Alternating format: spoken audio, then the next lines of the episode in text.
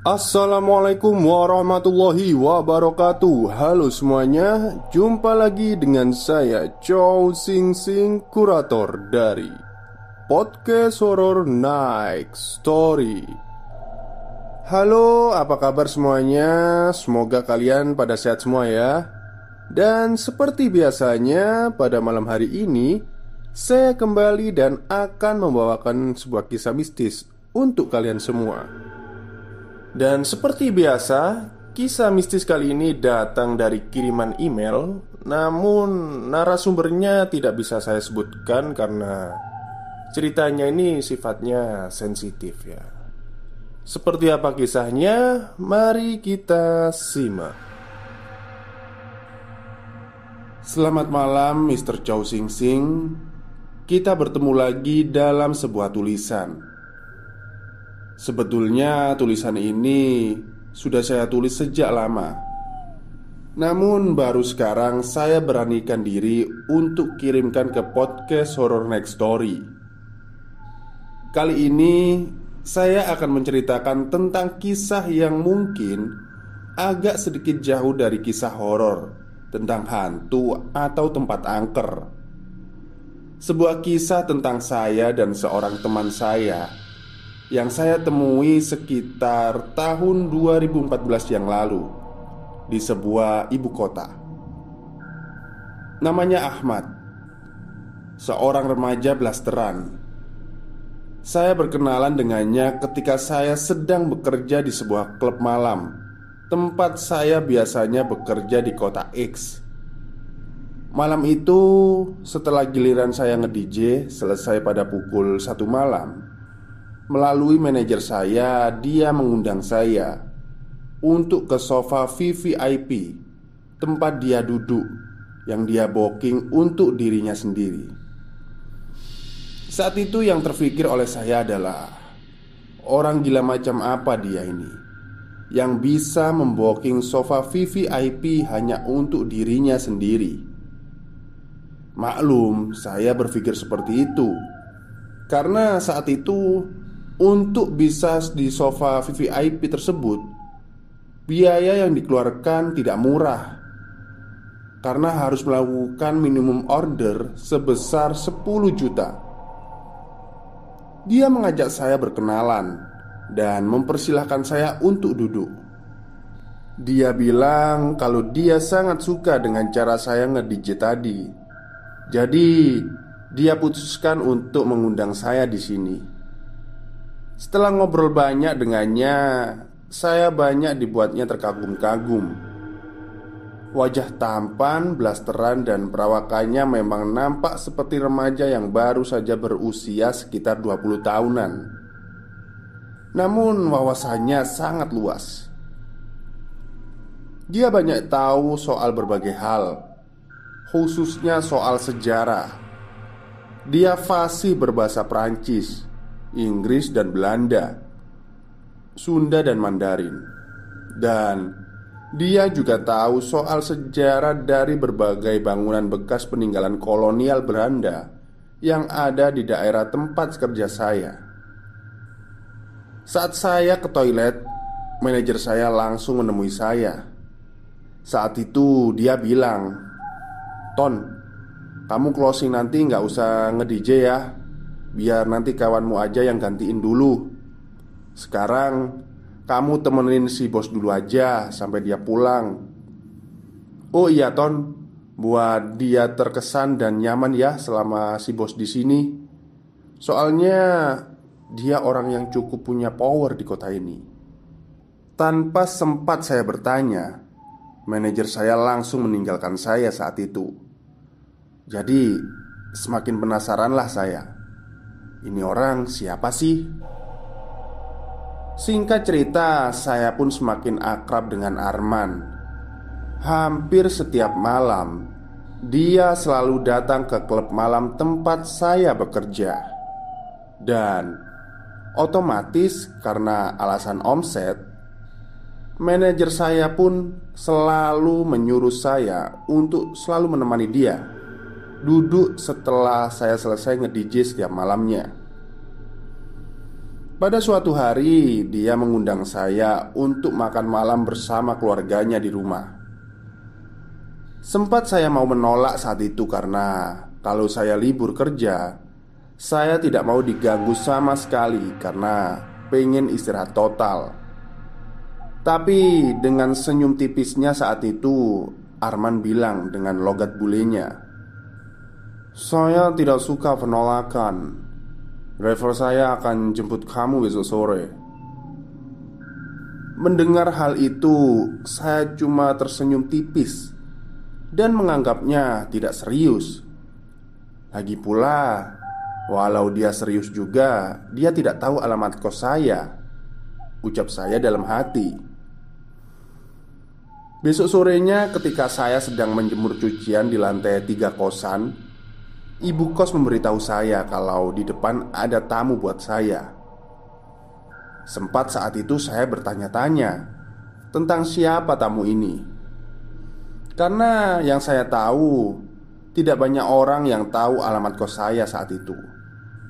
Sesampainya di ruang tamu bawah, saya melihat ada pria berjas rapi dia mengenalkan dirinya dan bilang kalau dia adalah supir pribadinya Pak Arman Dan disuruh Pak Arman untuk menjemput saya. Kebayang dong saat itu Saya penasarannya gimana? Saya pun langsung pergi ke kamar dan berganti baju. Lalu kemudian Berangkat diantar dengan supir pribadi keluarga Arman tersebut Singkat cerita, saya sampai di rumah kediaman keluarga Arman. Sebuah rumah di kawasan elit di kota X Yang apabila saya sebutkan ciri-ciri rumah tersebut Pasti akan banyak yang bisa menebak di mana lokasi rumah tersebut. Karena rumah tersebut merupakan salah satu rumah yang urban legend di kota X. Saya sendiri sempat percaya tidak percaya bisa masuk ke rumah ini dan baru tahu kalau ini tuh rumahnya Arman. Sampai di depan pintu rumah itu dengan mengenakan setelan jas hitam dan dasi kupu-kupunya, Arman menyambut saya dengan senyum tipisnya. Dan di sana ternyata sudah banyak mobil-mobil mewah berwarna hitam dari para tamu yang sudah berdatangan ke rumah tersebut. Tadinya saya pikir saya cuma diundang untuk makan malam biasa saja. Tapi ternyata keluarganya sedang mengadakan sebuah acara malam itu. Sebuah acara yang penuh dengan tamu-tamu berpakaian jas formal Gaun dan taksido. Mendadak saya jadi minder Karena saat itu saya cuma mengenakan celana jeans hitam sandal gunung Eiger dan kemeja lengan pendek saja. Supir Arman pun membukakan pintu mobil. Dan saya pun naik tangga menuju pintu rumahnya Untuk menemui Arman. Kemudian saya bilang Bro, sebaiknya saya pulang aja ya. Sepertinya saya nggak pantas untuk berada di sini. Saya minder Selain itu kayaknya saya salah kostum deh. Arman pun menjawab dengan senyum tipis. It's okay brother.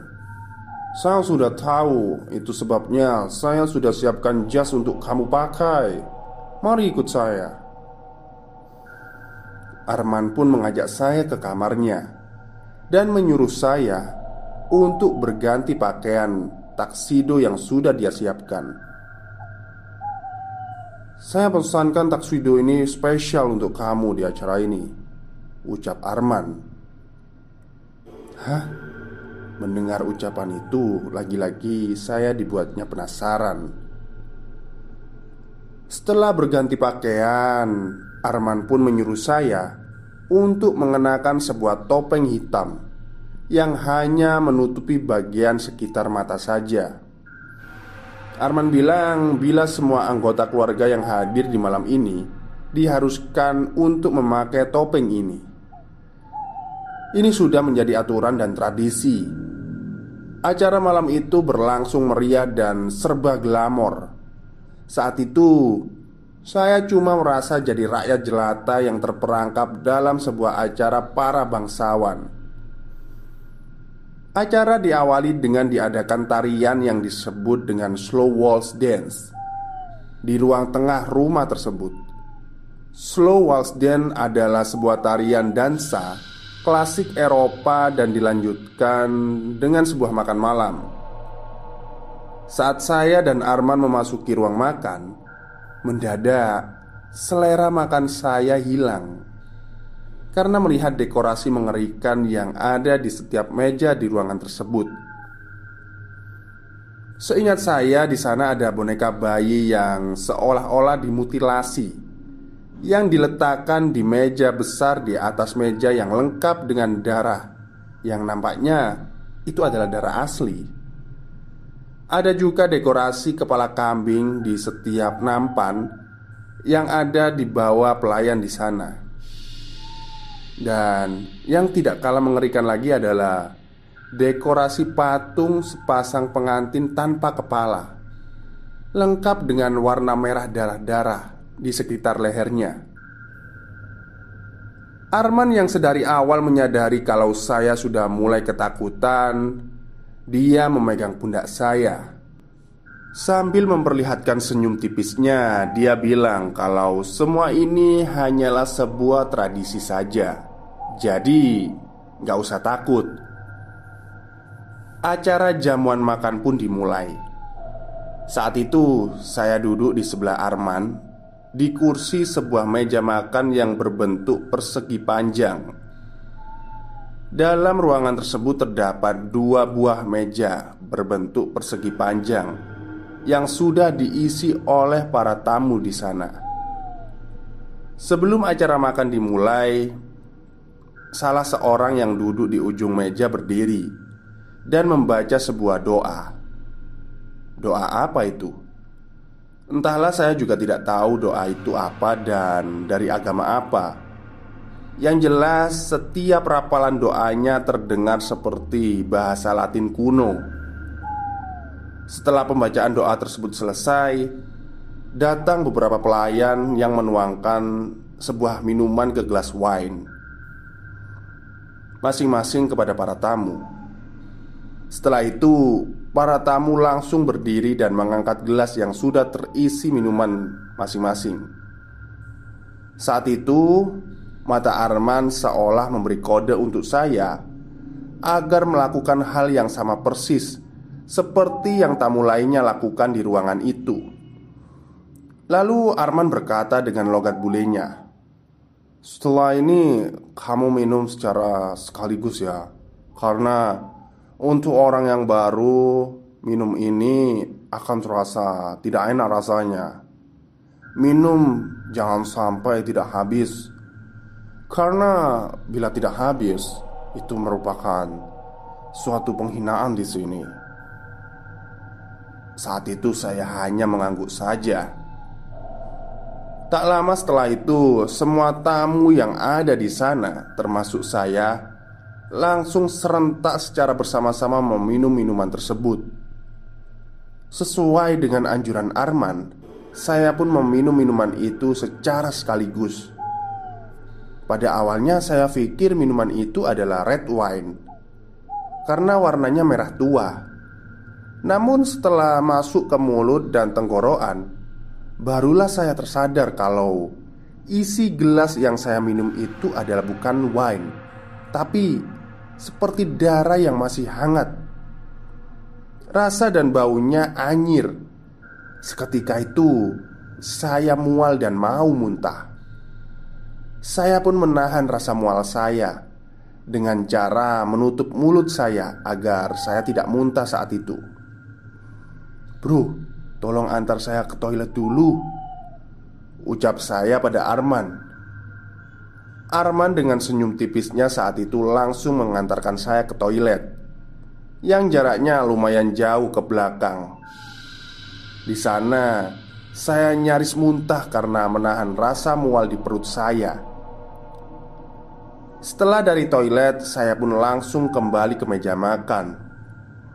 Setelah saya dan Arman duduk, para pelayan pun langsung menghidangkan daging stick yang dimasak medium rare alias hanya dipanggang sebentar di api kemudian dihidangkan.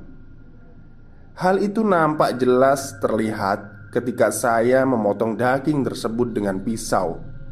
Masih nampak ada sedikit merah darah pada dagingnya. Meskipun enggan, saya pun harus memakan daging tersebut. Setelah acara makan itu selesai, saya, Arman, dan semua yang ada di ruang makan langsung menuju ke sebuah pintu besar yang terletak di salah satu ruangan tersebut. Ternyata pintu itu tertuju pada sebuah ruang bawah tanah yang sangat luas dan dengan desain seperti bangunan Eropa tempo dulu. Di sana semua orang membentuk sebuah lingkaran Dan semua orang memanggil Arman dengan sebutan Grandmaster Sambil bersujud. Oh, jadi Mas Arman ini mungkin pemain catur ya. Jadi sebutannya Grandmaster Melihat itu semua, saya jadi semakin heran. Ditambah lagi ketika Arman mulai berbicara di tengah-tengah lingkaran tersebut Menggunakan bahasa latin kuno yang sama sekali saya nggak ngerti. Lalu dari lingkaran orang-orang tersebut Majulah lima orang ke depan sambil membawa obor. Saat api di obor tersebut disentuhkan ke lantai Api tersebut tiba-tiba langsung merambat Dan membentuk sebuah pola bintang segi enam. Dan Arman berdiri tepat di tengah garis api tersebut. Wah kalau diceritain pokoknya semakin aneh lah. Api pun padam dan kami langsung menuju ke sebuah lorong yang sangat panjang.